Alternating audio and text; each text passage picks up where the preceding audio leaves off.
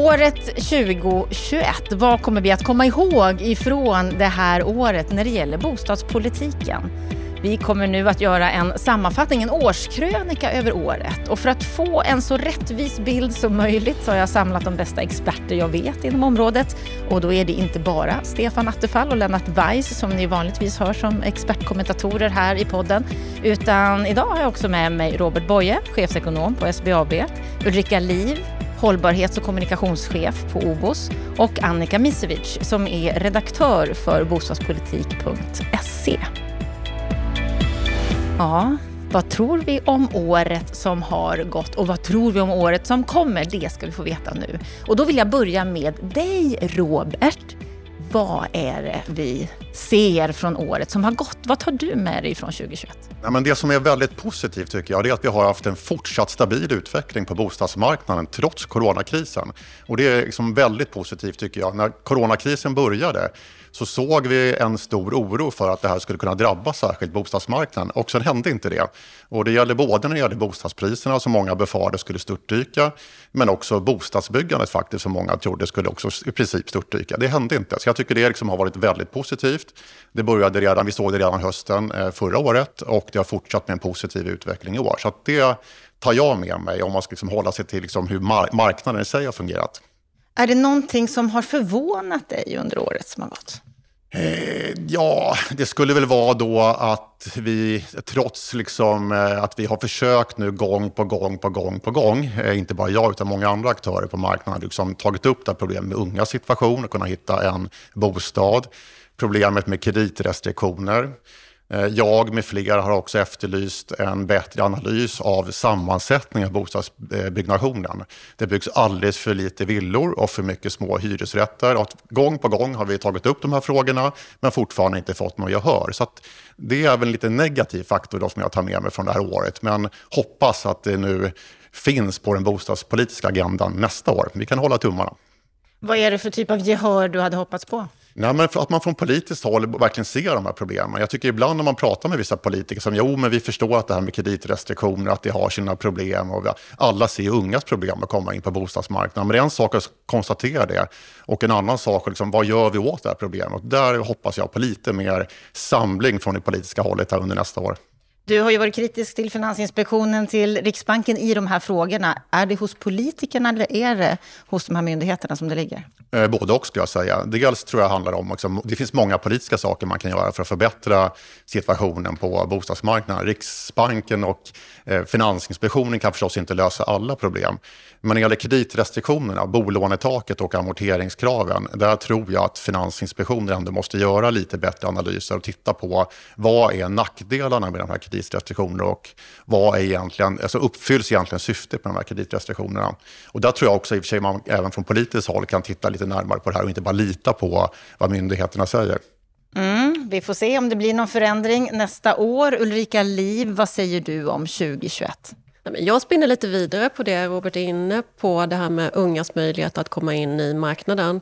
Vi ser ju en marknad med insiders och outsiders som bara ökar och här måste vi ta ett gemensamt ansvar och, och här måste vi inte bara få politikernas gehör utan eh, vi i branschen, bankerna tar sitt ansvar, eh, men vi i branschen måste också titta på vad vi kan göra.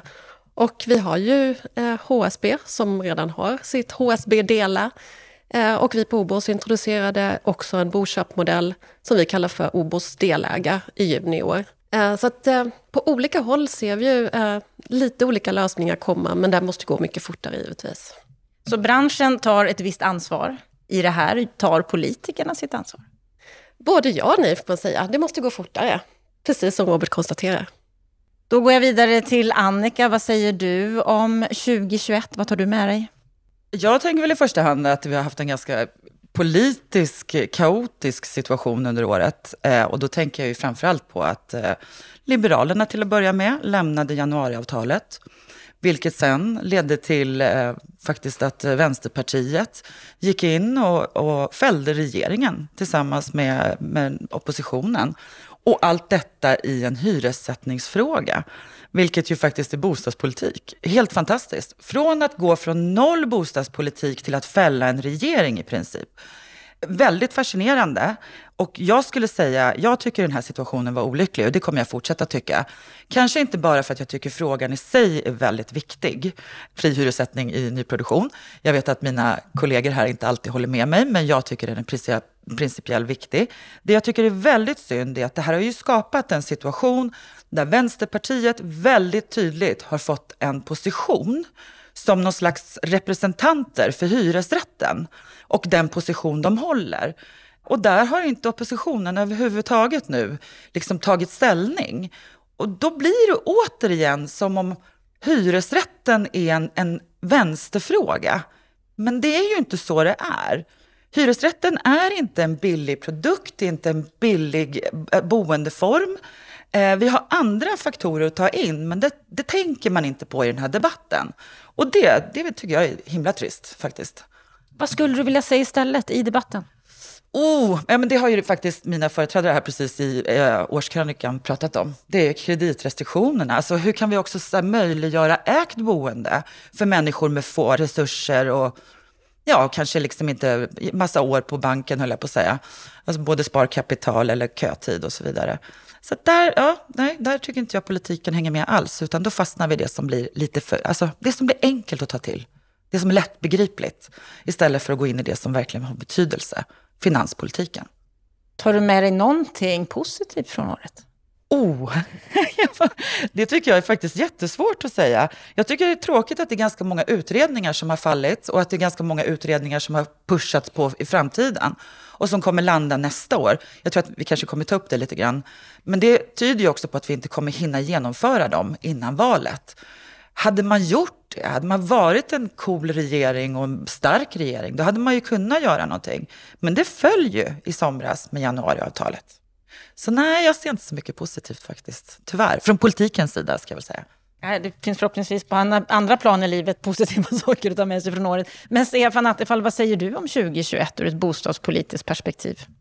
Ja, det har sagts många kloka saker. Jag delar ju principbeskrivningen som alla har gjort här. Men ska man vara lite optimistisk, det är ju helt rätt att det har inte hänt så mycket politiskt förutom eh, att eh, fria hyressättningen på hyresrätter kom upp som en fråga och dök lika fort igen efter att regeringen fallit i somras. Men det positiva ändå, vi har fått igång två stycken spännande utredningar, en om social bostadspolitik och en om startlån. Det ska vi se under 2022 vad det kan landa i, om det kan bli någonting i valrörelsen. Och det andra är väl också att det har blivit någon slags game changer i debatter om småhusbyggandet ändå. Eh, från att ha varit en fråga som ingen pratade om och som var oerhört tyst så har man uppmärksammat nu och Robert Boye har, har, har ju varit en av aktörerna i den, den, debatten. Har man lyft frågan och folk har börjat författa att vi måste få upp småhusbyggandet. Vi ligger bland lägsta i Europa som andel av bostadsbyggande. Och eh, det där har hänt någonting i debatten och i klimatet och kommunala planerare börjar plötsligt fatta och kommunalpolitiker att ojsan, vi har ett ansvar i detaljplaneläggningen. Men det där är en trög apparat att vända på. Men det har hänt någonting där som jag ändå vill tolka som en positiv vändning. Är det någonting du är besviken över under 2021? Nej, men det är väl att det inte har hänt så mycket. Det har ju varit en ganska, politiskt sett eh, i sak, en ganska intetsägande år trots turbulenser med regeringar som har kommit och gått och, och, allt möjligt, så har det ju i sak inte hänt så mycket. Förutom de här två utredningarna som har börjat jobba och som vi ska se resultat av under mars 2022. De kan innebära någonting förhoppningsvis inför valåret. Men i övrigt så har det varit ett, ja, ett nollår om man får uttrycket. Varför har det varit det tror du? Nej, men det är väl som vanligt. Frågorna är inte tillräckligt het av beslutsfattarna. Trots att det, har hångat på ganska bra och därmed är man ganska nöjd med bostadsbyggandet och priserna. Ingen katastrof tycker man och då är man ganska nöjd för politiken. Det stör inte och i politikens värld så är det här inte en huvudfråga och man har svårt att hantera den för det, ingen, det finns så få sådana klassiska vänster eh, och högerfrågor. Det som hände egentligen av sak, om vi ska nu backa tillbaka på, det var ju att man tog bort investeringsstödet från och med 1 januari 2022 i den budget som vann i riksdagen här nu. Det är väl egentligen det substantiella som har inträffat. Eh, Men i övrigt så har det varit ganska, eh, ganska lite av aktivitet från, som har betytt någonting. Sen har det, jag tycker man kan se, om man följer partiernas arbete med motioner kring bostadsfrågorna, så märker man att det sker ändå en viss kunskapsuppbyggnad, det sker en viss konkretion. Det börjar bli, växa fram lite mer av tydlighet i partiernas motioner i, under allmän motionstiden i höst, som bådar ändå lite gott inför framtiden. Men eh, det har inte lett någonting ännu. Lennart Weiss, sist ut av alla experttyckare i den här årskrönikan. Vad säger du om 2021? Ja, men jag kan haka på Stefan. Alltså, det här som skett nu med investeringsstöden, eh, det kan man i sin tur koppla till en annan icke-händelse, nämligen att eh, förslaget om, om eh, marknadshyra i nyproduktionen föll. Det är på något vis två stycken händelser som kanske inte ter sig så dramatiska, men kan vara förebudet om att någonting håller på att ske. Därför att vi som har varit i den här debatten ganska länge då, vi är ju alltid irriterade över att det inte händer någonting på allvar. Vi är irriterade över att det är så mycket utav symbolpolitik i den här frågan. Och två uttryck för symbolpolitik har varit investeringsstöden, som egentligen inte adresserar någon väsentlig bostadssocial fråga utan har mer handlat om byggande. Klassisk socialdemokratisk tillväxtpolitik skulle man kunna säga. Marknadshyror har varit borgerlighetens symbolfråga för att om man bara inför mer marknad i bostadssektorn så blir det bättre. En, en del av mina kollegor tror på den idén. Jag tror inte på den idén. När de här två idéerna faller, då blir frågan vad ersätter man det med? Och det är där jag hakar på Stefan. Det är där jag tror att, att eh, de här två sakerna som har skett under 2021 som många är besvikna över kan vara frö till någonting nytt. Och då tror jag faktiskt att, eller i varje fall, jag vet inte om jag tror det, men jag hoppas det, att de här två bostadssociala utredningarna som har tillsatts, den om startlånen och den här bostadssociala utredningen som rör de allra svagaste i samhället, kan vara katalysatorn för att föda en ny tanke. Därför att, med, om jag alltså, med, med referens till Robert, som då kommenterar hur byggmarknaden i stort sett ser ut, så håller jag med honom om att i ett läge nu när migrationen i stort sett har upphört, så är dagens byggsiffror väldigt bra. De, de, de, det kan till och med vara så att vi om ett par år har nått en, en sån hög byggtakt att vi i stort sett har byggt bort den efterfrågan som finns hos de grupper som kan efterfråga. Det som då återstår det är det bostadssociala problemet. Och det har ju mina kompisar före här kommenterat. Vi har alltså unga som inte kommer in på bostadsmarknaden. Vi har, so vi har socialgrupp 4 eh, som har ett problem som man egent egentligen ingen har tagit i sedan 1970-talet. Om nu de här gamla politiska symbolfrågorna, byggpolitik, marknadspolitik faller, ja men då måste man ju föda en ny tanke. Det kanske är en helt naiv förhoppning, men det jag hoppas det är att de här två bostadssociala utredningarna blir starten på en diskussion om de verkliga kärnproblemen som rör människors möjligheter att, att efterfråga goda bostäder när man liksom inte har ekonomiska förutsättningar att göra det. Jag hoppas det. Och det kopplar jag också till den nya bostadsministern. Ja, han är ett oskrivet kort när det gäller bostäder. Det är väl mycket som talar för att han kommer att gå in mera i frågan om sund konkurrens, ordning och reda i byggbranschen. Och det är någonting som jag välkomnar eftersom det är en fråga som jag fokuserar mycket på under året. Men jag tror också att han är av den här gamla socialdemokratiska sorten som har behov att sortera in saker i ett större sammanhang. Så det kan faktiskt vara en fördel att han inte har så mycket bostadspolitiska för Eh, jag ska säga, förutbestämda uppfattningar. Det är dock en före detta LO-ekonom. Han är van vid att ha ett utredande perspektiv på saker och ting. Han har suttit i EU där man liksom får ett helikopterperspektiv på saker och ting. Så jag hoppas, hoppas, hoppas, det är liksom ingen prognos men en förhoppning att eh, de här sakerna sammanfaller på ett sådant sätt att vi äntligen får en meningsfull diskussion om de verkliga sakerna. Bort med symbolfrågorna, in med de verkliga frågorna. Om det skulle eh, så att säga slå in, då har vi att se fram emot ett roligt bostadspolitiskt år 2022. Men då hoppas du på diskussionen, inte att utredningarna i sig kommer att leda till så mycket. Vi har haft flera experter i Bopolpodden här under hösten som säger att nej, de där kommer inte leda till så mycket verkstad. Men då inser man ju inte att tanken föregår manifestationen. Om det ska bli verkstad så måste man först tänka den goda tanken. Nu är vi ett valår. Då förväntas inte politikerna göra så mycket. Då förväntas de tänka saker och ting.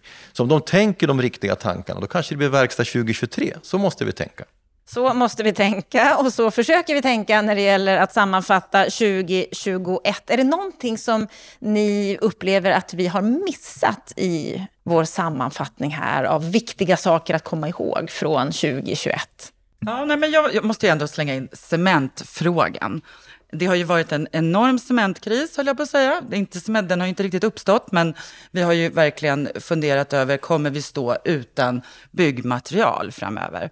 Och nu har vi ju då nästa år alltså, på oss att lösa den här frågan igen. Och återigen, då blir man ju lite orolig när Lennart säger, det är valår, då ska vi bara tänka stort och inte göra.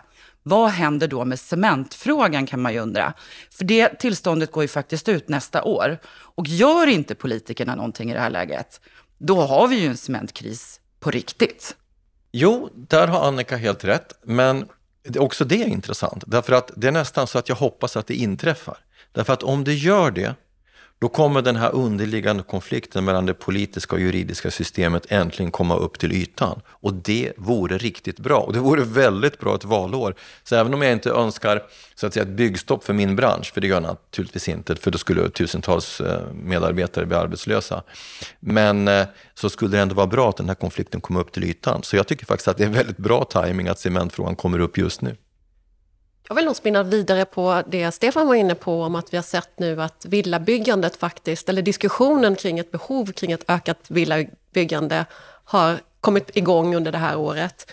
Och jag vill då passa på att skjuta in en passning till både politiker och tjänstemän ute i kommunerna att eh, hålla blicken högt och ta till sig av de behov och önskemål som, som läggs fram i rapport efter rapport. Vi ser att sju av tio faktiskt vill bo i ett eget småhus med en täppa och vi pratar inte om att vi ska bygga nya villamattor, utan vi ska bygga blandat. Vi ska bygga nya områden där det finns en plats för alla, både med flerfamiljshus och småhus. Och eh, det skapar goda möjligheter för en integration framåt. Mm. Det finns en hel del att göra för att 2022 ska bli ett bättre år än 2021. Frågan är om det kommer att bli det med tanke på den politiska situationen, att det är valår, att vi snart går till val. Ja, Robert Boye, vad tror du om 2022? Man måste ju vara hoppfull.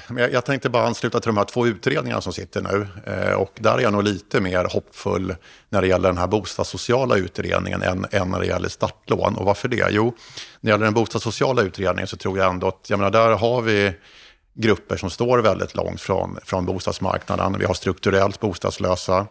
Vi har andra, andra grupper som har det svårt. Och jag tror att där måste man helt enkelt lö, lösa de problemen. När det gäller det här utredningen för startlån för unga så är jag lite mer skeptisk. Och det har jag sagt några gånger under några seminarier här under året som har varit. Och varför det? Jo, Idag har egentligen de som då inte har en, en, sparat ihop till den här kontantinsatsen som behövs möjlighet att ta ett blankolån på en vanlig bank.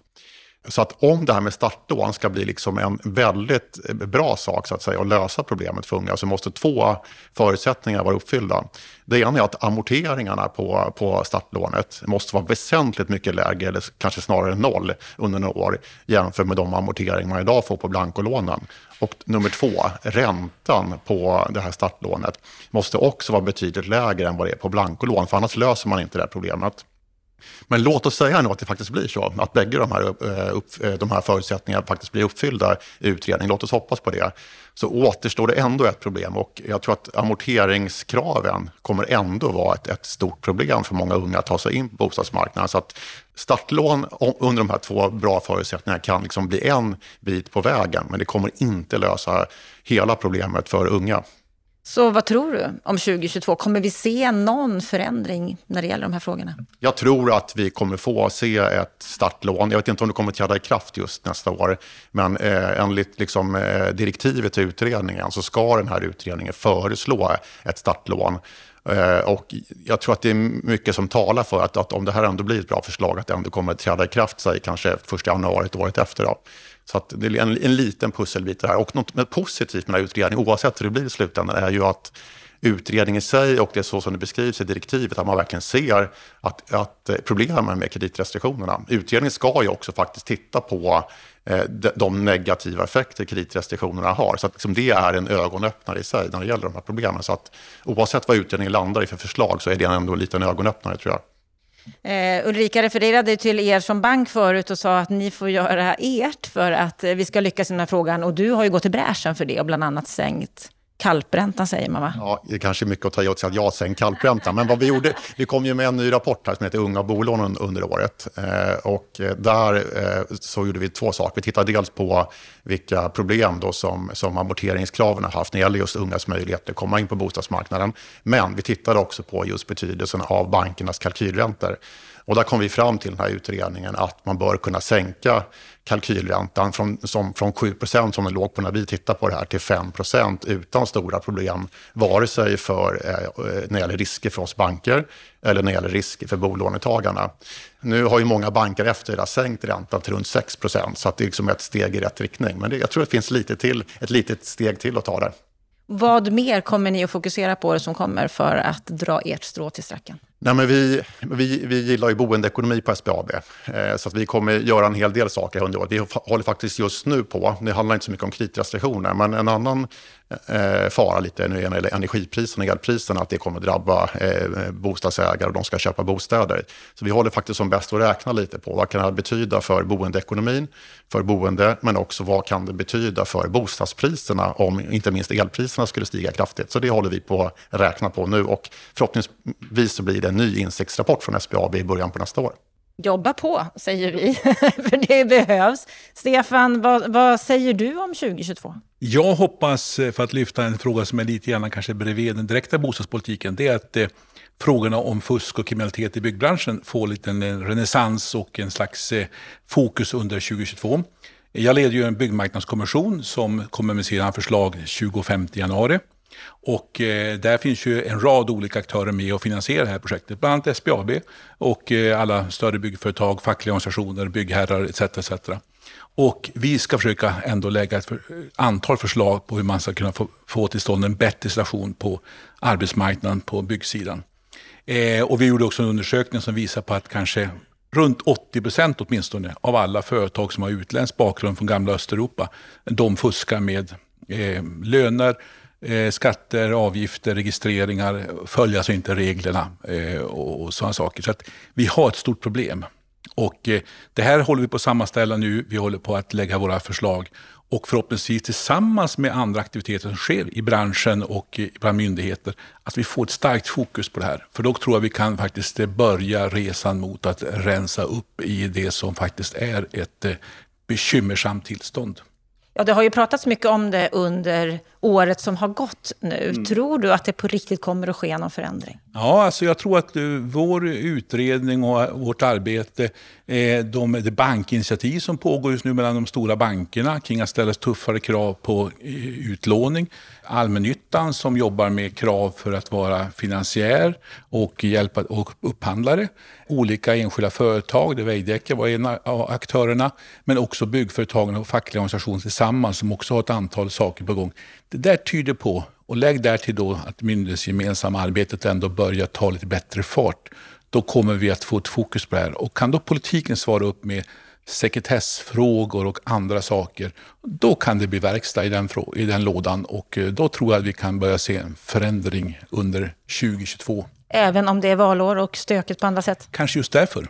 Alltså om inte man levererar lag och ordning även på det här området, då tror jag att en socialdemokratisk regering är ganska rökt i valet och en borgerlig opposition måste svara upp och vara lika duktiga. Så jag tror att det här kommer att spåra dem att ta politiska krafttag. Jag hoppas det i alla fall. Mm, en socialdemokratisk regering, kan de göra någonting under 2022? Vad tror du, Lennart Weiss?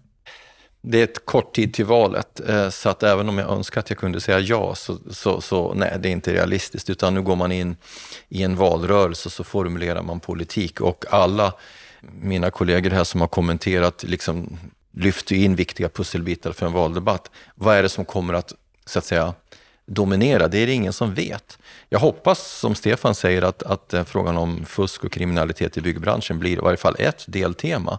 Det råkar ju vara ett tema som både finns på någon sorts eh, företagsnivå, eh, övergripande nivå, men det finns också på en individnivå som jag hoppas att man kan belysa. Jag menar, det spelar ingen roll om du skiftar däck eller om du polerar en båt eller om du beställer en ombyggnad av ditt kök eller badrum, så tangerar du de här frågorna. Jag, jag lyssnade häromkvällen på en debatt om, om gängkriminaliteten och så kommer man in på det här självklara temat sambandet mellan konsumtionen av narkotika respektive införseln. Och politikerna är väldigt benägna att kriminalisera de kriminella syndikaten. Men när vi kommer till enskilda hushåll, jag menar 4% av de som bor på Södermalm använder kokain en fredagkväll. Då vill man inte göra någonting. Jag tycker det vore väldigt bra om alla de här frågorna också flyttade till dig och mig som, som privatpersoner. För det är våra handlingar som någonstans ytterst är drivkraften för de här fenomenen. Om vi slutar att, att liksom köpa tjänster svart, då kommer inte marknaden att finnas. Om vi liksom ändrar våra beteenden så förändras mycket i samhället också. Jag hoppas att vi får en diskussion om de sakerna. Vi har en benägenhet att säga att politikerna borde göra någonting. Ja, men gör någonting själv då. Alla våra enskilda handlingar spelar också en väldigt stor roll. Jag tror inte att det är ett tema i valrörelsen, men det borde vara ett tema runt vilket eh, middagsbord som helst. För de här sakerna spelar roll. Det jag är irriterad över i den här debatten om kriminaliteten, det är att alla ser att någon annan ska göra någonting. Är man på, som, som jag på ett kommersiellt företag, då är det branschorganisationen eller facket som ska göra någonting. Är man där, då ska myndigheterna göra någonting. Eller så ska beställarna göra någonting. Alla måste göra någonting. Jag vet inte om det är en eh, realistisk förhoppning, men, men förhoppningen är ju ändå att vi får liksom en helhetssyn på de här frågorna och att alla kliver in på banan och inser sitt ansvar. Och när det sker, då kommer det också hända någonting i politiken. Därför att politik formas ytterst i vardagen hos människors egna uppfattningar. Och därför så handlar också opinionsbildningen om att få människor att se problem och adressera dem till politiken. Så det är det man kan hoppas av ett valår, att rätt sorts frågor hamnar på agendan och att det leder till en process som i sin tur leder till riktiga politiska förslag som också leder till verkstad. Vi får se om det blir så, men det är min bästa förhoppning inför 2022. Annika, vad är din bästa förhoppning inför 2022? Men att vi ska få kanske lite mer tydlighet i politiken igen då. Eh, att vi återigen ska få se lite mer tydliga samarbetsinriktningar som, som tyder på att vi faktiskt också till sist kommer att få en regering som kan verka som kan åstadkomma någonting.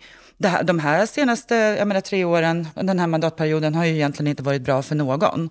Så är det ju. För vi har liksom inte haft, man har inte haft den, det mandatet att, att egentligen kunna driva politik utifrån de förutsättningar man vill. Och, och, och, det önskar jag inför nästa år. Och jag tycker det är dessutom superkul med valrörelse. Politiskt djur som jag vaknar varje år. Så att hur som helst så är det jättespännande. Och jag tror faktiskt att bostadspolitiken kommer få ganska stort utrymme. Särskilt om vi tittar på frågan om just det här med sociala bostäder och, och, och eh, angriper problem som segregation, som faktiskt är jättestort idag och högt på tapeten. Då tror jag också bostadsfrågorna kommer komma in och det ser jag fram emot, verkligen.